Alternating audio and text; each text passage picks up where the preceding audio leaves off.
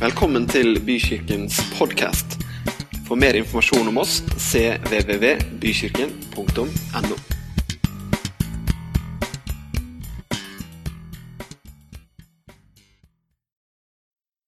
Det er eh, sånn for dere, men eh, det er ikke bare at vi har fått lov til å åpne til å drive gudstjenester, men det er jo noe med vår i lufta. Det spirer og gror rundt oss. Plutselig så er det lov å ha blomster som, kan, som klarer å overleve noen, eh, noen kuldegrader om natta. Og det er farger rundt oss. Det er ikke så ofte jeg går i knallrosa, men det gjør jeg i dag. Og det er noe med det fargerike som, som skjer på våren. Og det er nytt liv. Det spirer. Og det er nytt håp etter mørketid, som for oss i Norge er ganske, den er ganske hard innimellom. Så det å liksom oppleve våren her i Norge, det er ganske sånn symbolsk sterkt. Og I går så feiret vi også frigjøringsdagen, som jo er eh, egentlig en veldig sterk feiring. Og her så feirer vi jo det å være frigjort i Kristus. Nytt liv det er jo kjernen i vår tro. Vi samles i gudstjeneste for å rette blikket mot Jesus og kjenne at vi blir fornyet, både i troen vår og i vårt syn på oss selv. Og alt det vi gjør,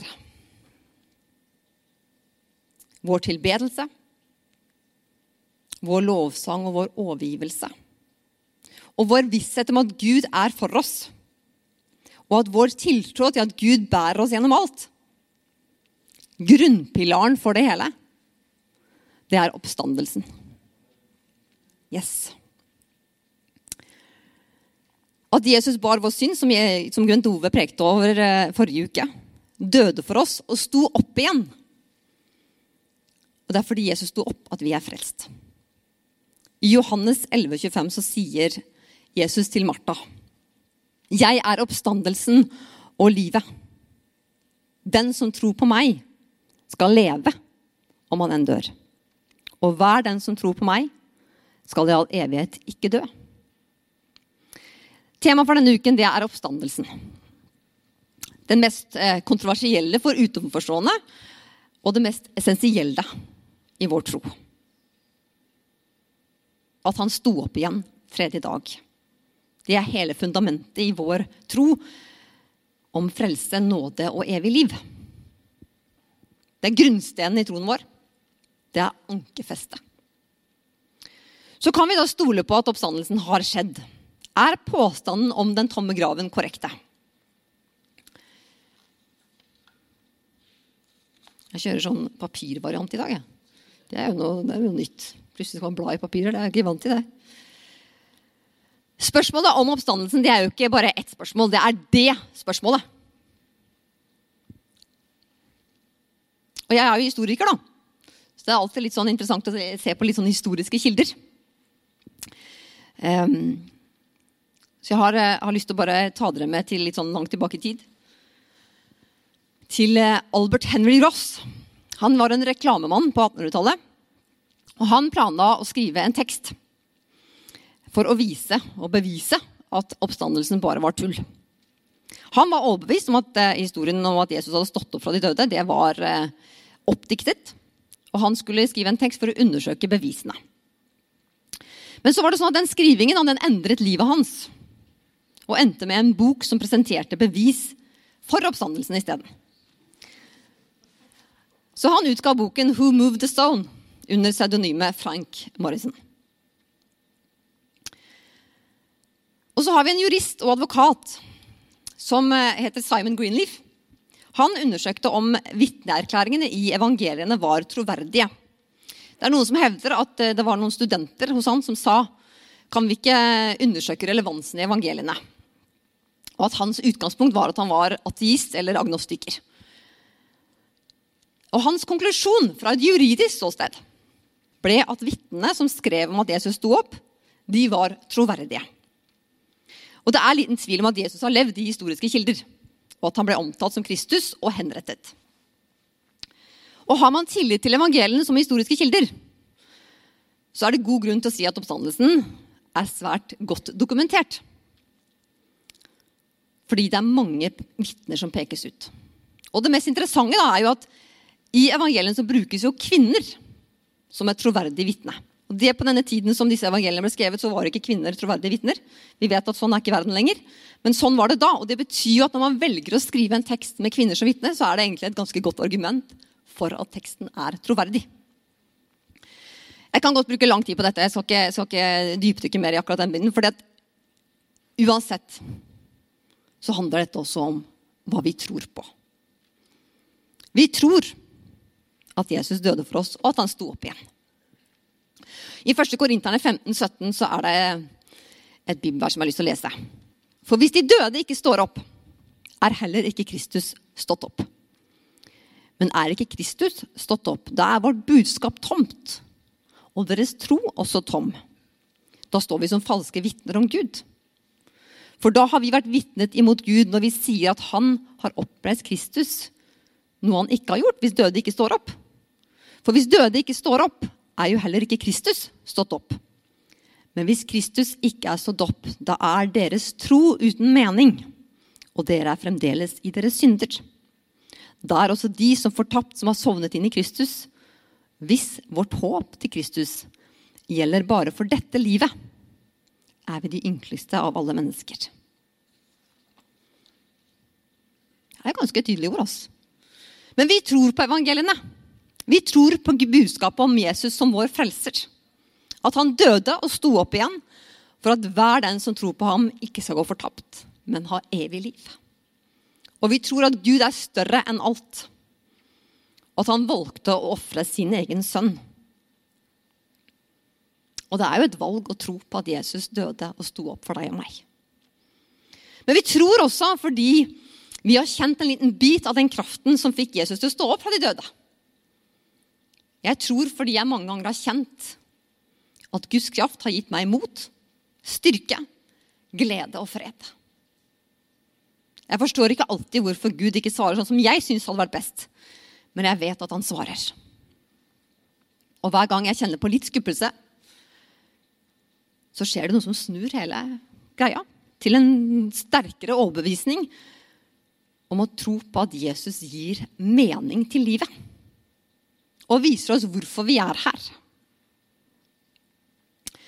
Vi skal straks gå inn i hovedteksten for denne uka, og det er eh, Johannes kapittel 20, vers 1-29. For å se hva som skjedde, og møte de personene som var vitner til den tomme graven. Og Da har jeg bare lyst til å ta dere med på bakteppet for denne historien. Det er jo disiplene og vennene til Jesus som har opplevd en mann som kommer og vitner og preker om et liv som er noe annet. Han var en radikal mann som, som kom med et helt annet budskap enn det det var vant til på denne tiden. Da var det store forskjeller mellom mennesker. Så det at Jesus kom og forkynte et budskap som revolusjonerte verden da, det må jo ha føltes ganske oppløftende for disse vennene. Og så plutselig så er han død. Han har blitt henrettet på brutalt vis, mens Barabas har gått fri. Så de er i dyp sorg. De er redde. Jeg tror kanskje den frykten de har, er litt utover det normale. Jeg tipper at noen av de tenkte hvem er den neste? Hvordan skal vi leve nå? Det nye livet, de nye sannhetene som vi fikk presentert. En ny måte å tenke på. Det er plutselig raknet rett foran det. La oss lese. Johannes 20, 1-29.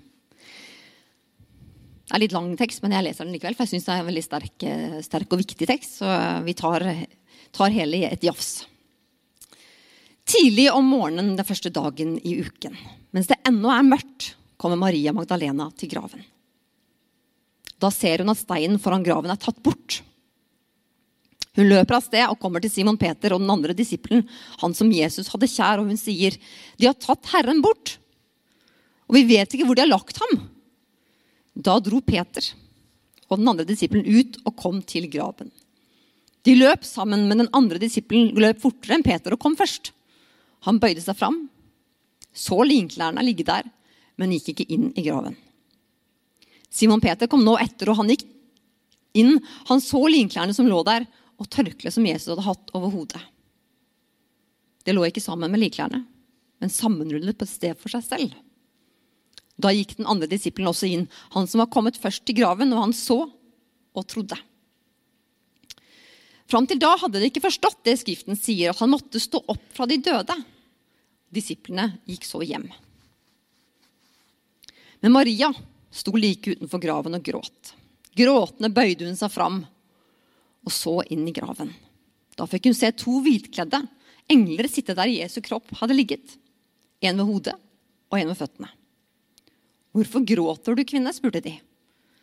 Hun svarte, de har tatt Herren min bort, og jeg vet ikke hvor de har lagt ham. I det samme snudde hun seg og, i det samme snudde hun seg og så Jesus stå der, men hun skjønte ikke at det var ham. Hvorfor gråter du, kvinne? spør Jesus. Hvem leter du etter? Hun trodde at det var gartneren, og sa til ham, Herre, hvis du har tatt ham bort, så si meg hvor du har lagt ham, så skal jeg ta ham med meg. Maria, sa Jesus. Da snudde hun seg og sa til ham på hebraisk, Rabuni, det betyr mester. Jesus sier til henne, Rør meg ikke, for jeg har ennå ikke steget opp til far. Men gå til mine brødre og si til dem at jeg stiger opp til ham som er min far og far for dere, min Gud og deres Gud. Da gikk Maria Magdalena av sted og sa til disiplene, 'Jeg har sett Herren.' Og hun fortalte hva han hadde sagt til henne. Det var om kvelden samme dag, den første dagen i uken. Av frykt for jødene hadde disiplene stengt dørene der de var samlet. Da kom Jesus.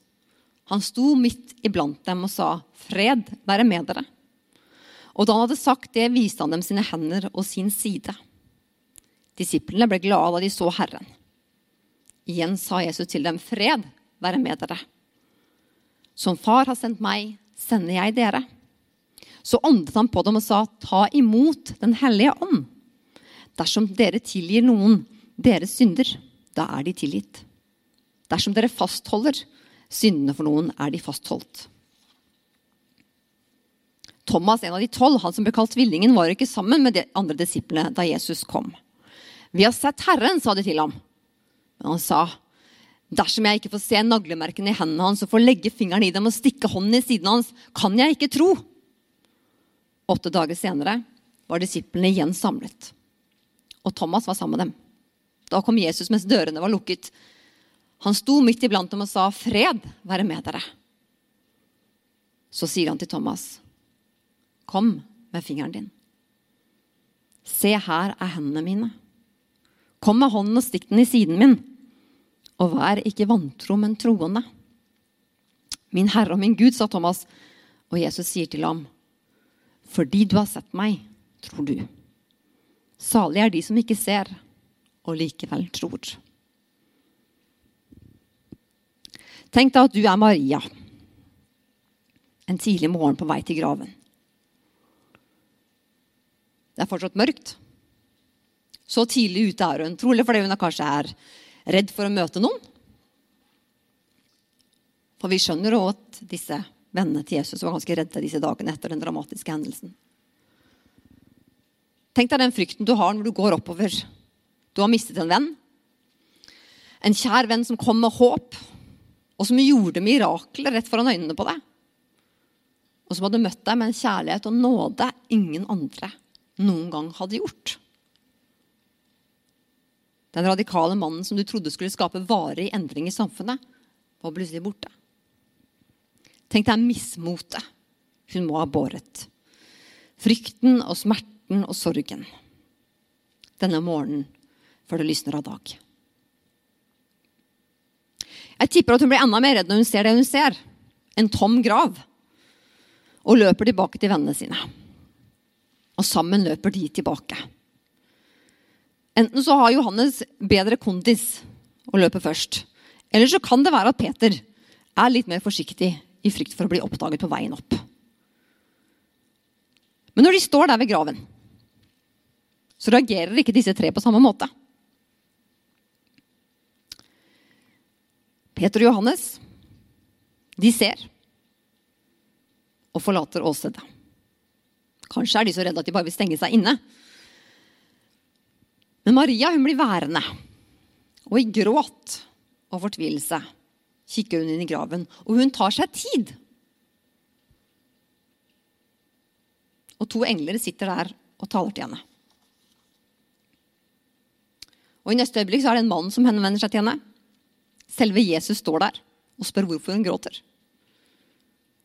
Og han står der i en stråleglans. Og Maria hun løper og forteller det hun har sett. Og de stenger seg inne, disse disiplene, i frykt for å bli tatt av jødene. Og mens de har stengte dører, så står plutselig Jesus der midt iblant dem.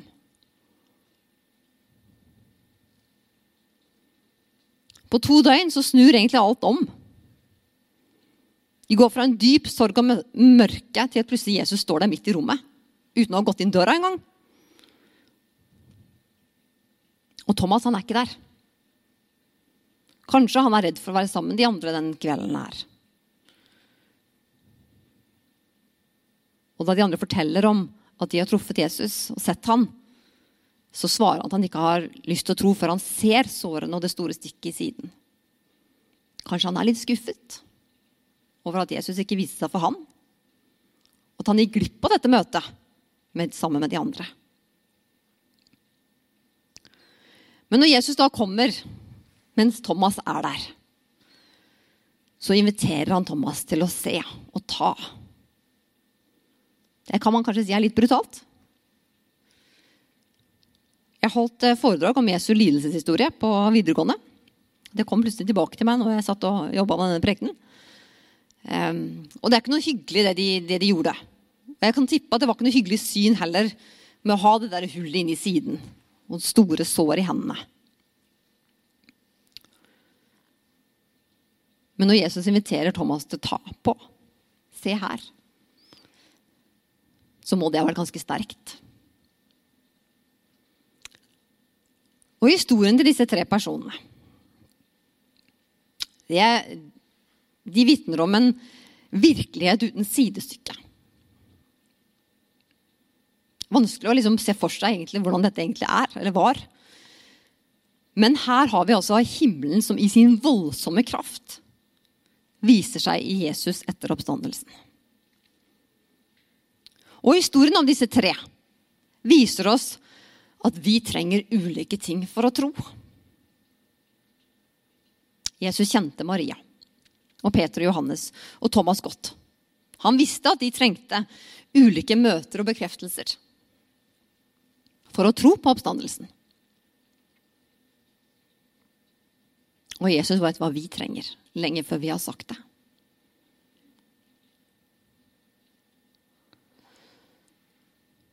Og Når du hører historien om disse personene, hvem er det du kjenner deg mest igjen i?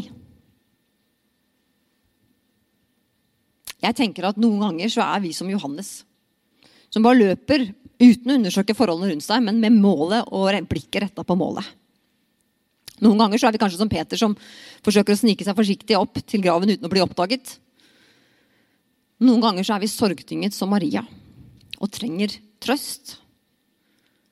Og noen ganger trenger vi kanskje å se og kjenne bevis om at Jesus er der, akkurat som Thomas. Og noen ganger er vi kanskje som Maria, som har tid til å lytte. Tid til å kjenne på følelsene. Og la Gud møte oss.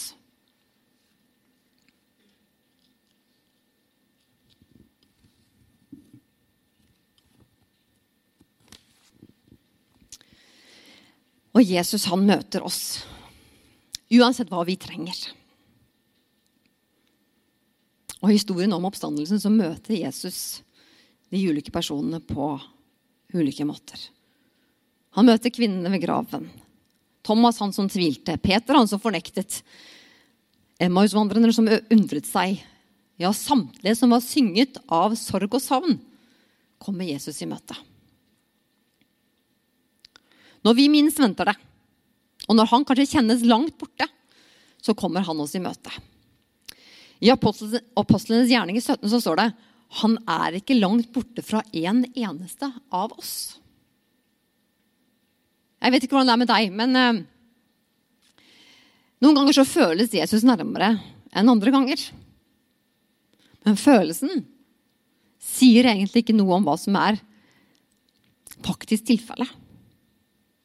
For Jesus er der og møter oss sånn vi trenger det i vår tvil og i vår usikkerhet. I vår overbevisning og i vår lengsel. Og vi har fått et veldig tydelig løfte.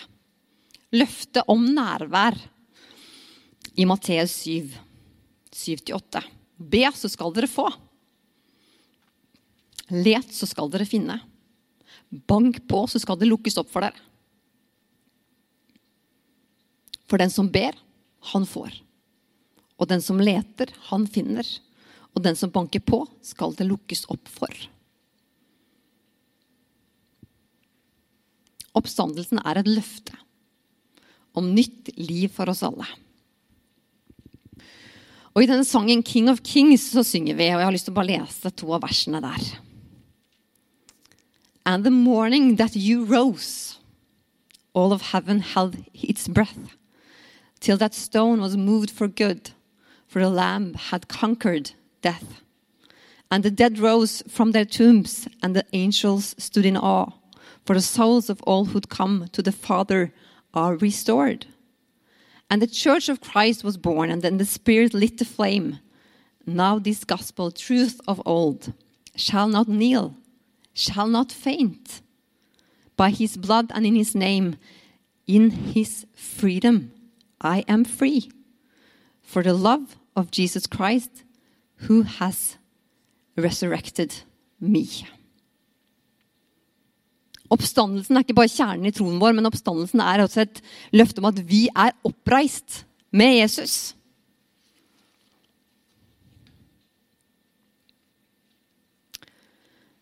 Bak her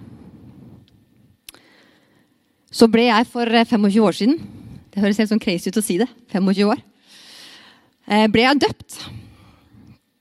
Og det er jo i denne dåpen så symboliseres dette med å være oppreist med Kristus så sterkt. Vi ble oppreist til et liv i evigheten med ham når vi dør. Og jeg kan fortsatt høre stemmen til Alfred, pappaen til Bent Ove, som sier det. Oppreist med Kristus. Det var en veldig sterk opplevelse. Jeg kjenner det fortsatt når jeg forteller om det. For det ble så tydelig for meg at jeg var oppreist. Jeg fikk liksom rakere rygg. Og jeg kjente en følelse av å være liksom et, ord som heter 'elevated' på engelsk, altså forhøyet. Som å gå på platåsko eller være jekket opp. Som om Gud jekket meg opp når jeg ble reist opp i dåpen.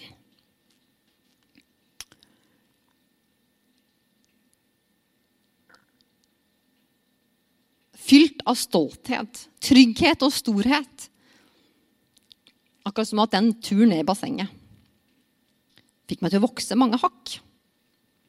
Og det er noe vakkert med den erkjennelsen av å være oppreist. Og den er ikke forbeholdt den gangen vi døper oss. Vi har all god grunn til å rette ryggen pga. oppstandelsen. Vi er oppreist i et liv under Hans nåde. Under Hans beskyttelse og under løftet om at han, Hans kraft er på vår side.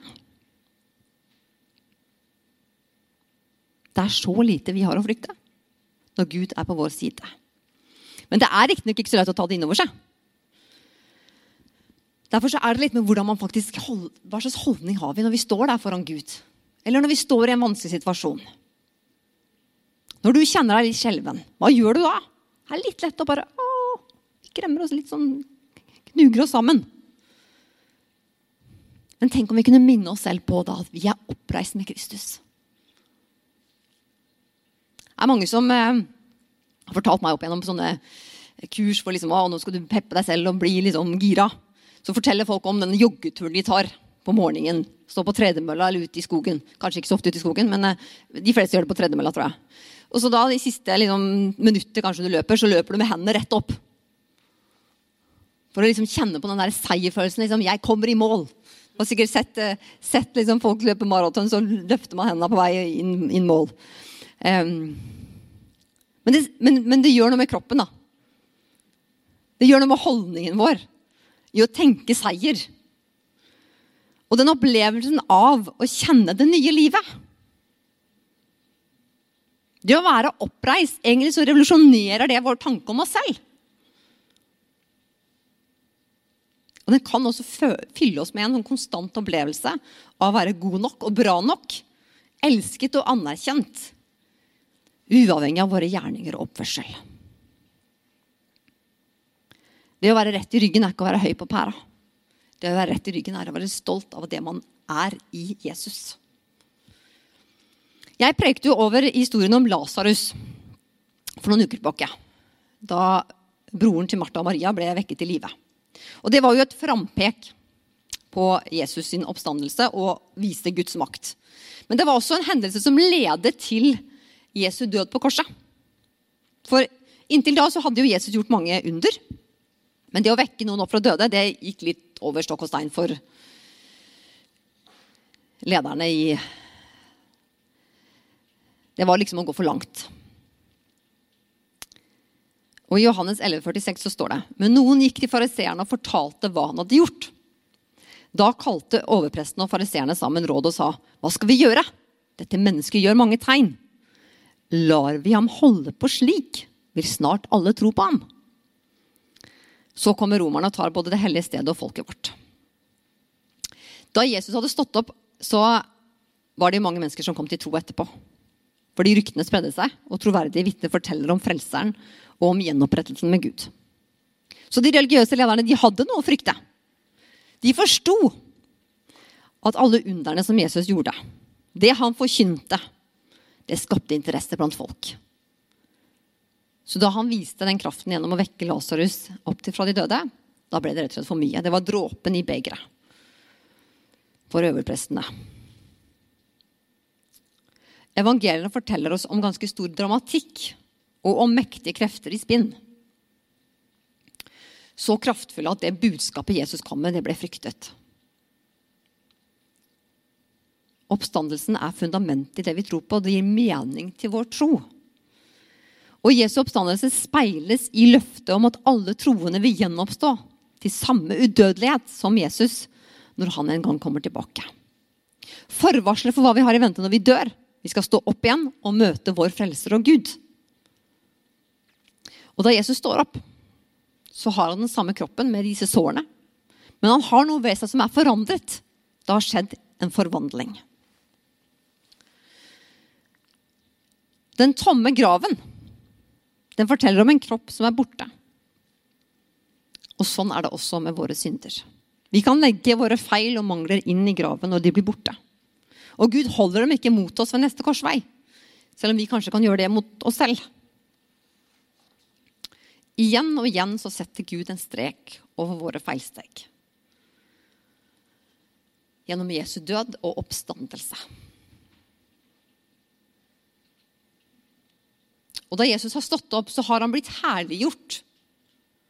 Når Lasarus kommer ut av graven, så er han kledd i liksvøpet da Jesus roper på ham.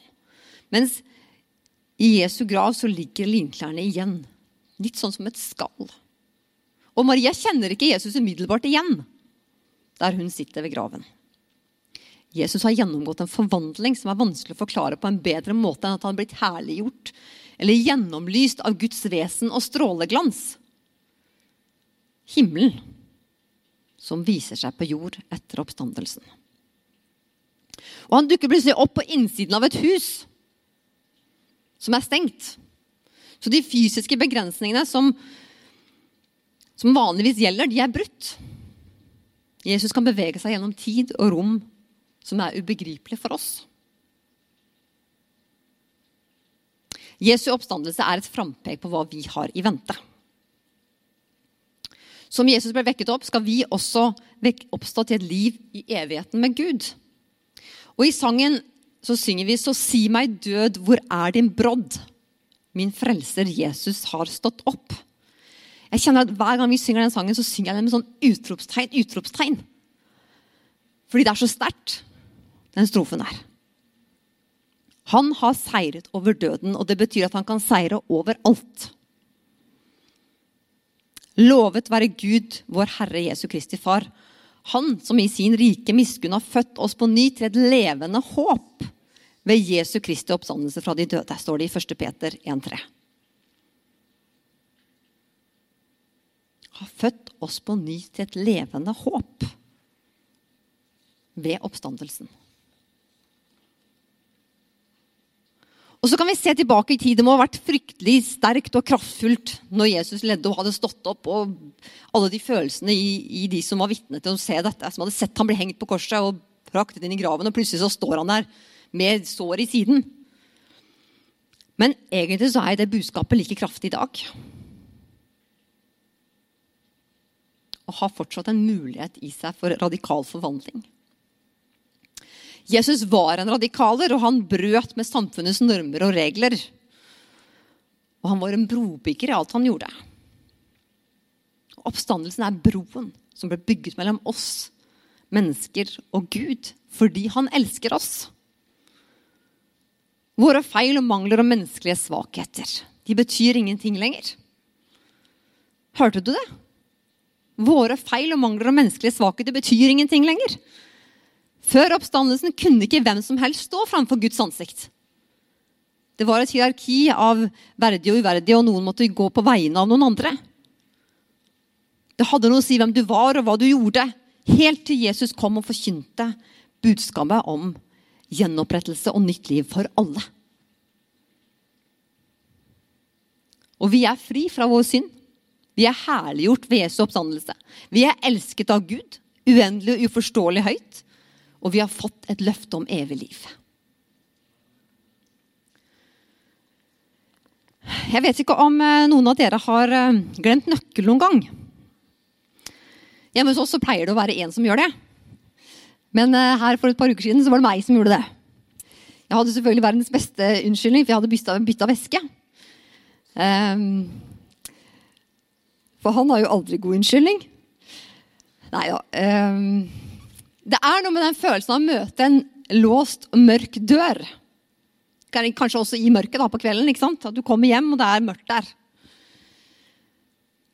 Jeg var på, eh, på skoletur på videregående. Så kom jeg hjem. Hadde veldig lyst til å komme meg inn, sove, hvile, ta en dusj, spise, gå på do. Vært på øytur, liksom. Det ikke, var ikke sånn superstas. Å komme hjem og sitte der og vente på mamma. Jeg ikke visste når hun kom hjem engang. Så jeg eh, bestemte meg for at ok, det er et vindu i andre etasje som var åpent. Aldri brukt stigen vår før, men jeg tok nå stigen fram og skjøv den ut og kom meg inn. Um, og det gikk bra. Og jeg tror Mange av oss har hatt hjertet i halsen når vi har sendt barnet vårt av gårde med nøkkel og visst at okay, det kommer hjem fra skolen og skal låse seg inn. Og hva om ikke de klarer å låse fordi du står og river og sliter i døra? Og um, Ja, dere skjønner poenget mitt. Eller har kommet til sykkelen sin og glemt nøkkelen og tenkt ah, ok, jeg må gå hjem istedenfor å sykle. Det er ikke noen god følelse å mangle nøkler. Og oppstandelsen er nøkkelen til hele universet. Vi trenger ikke koder og nøkler. Vi trenger Jesus. Som det står i Johannes' åpenbaring. Da jeg så ham, falt jeg som død ned for føttene hans. Men han la sin høyre hånd på meg og sa, frykt ikke. Jeg er den første og den siste og den levende. Jeg var død, men jeg ser jeg lever i all evighet, og jeg har nøklene til døden og dødsriket. Det er fantastisk. Jesus har nøklene til våre liv. Vi kan hvile i hans hender. Vi trenger ikke være redde for at nøkkelen blir borte, eller blir gjemt eller glemt eller mistet. For den holder Jesus trygt. Hans oppstandelse og frelse har gjort behovet for nøkler helt overflødig. Vi kan hvile i troen på at han har kontroll, at alt hviler i Guds hender. Det er håpet og troen vi kramler oss til. Og vi er oppreist i et liv i kjærlighet og seier, og til en evighet med Han. Det er ikke bare gode nyheter, vet du. Det er helt fantastiske, livsforvandlende nyheter. Som vi ikke forstår 100% rekkevidden av ennå. For når vi er oppreist med Kristus, hvem kan da være mot oss? Hva har vi da å frykte? La oss reise oss, og låseren kan komme opp.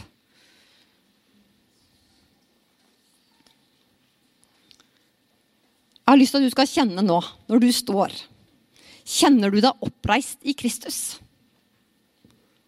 Dvel litt på den følelsen og kjenn etter hvordan du vil stå når du er oppreist. Kjære Jesus. Takk for at du har stått opp for oss, og at vi kan få lov til å stole på deg i alt. Takk for at vi er oppreist med deg, Herre.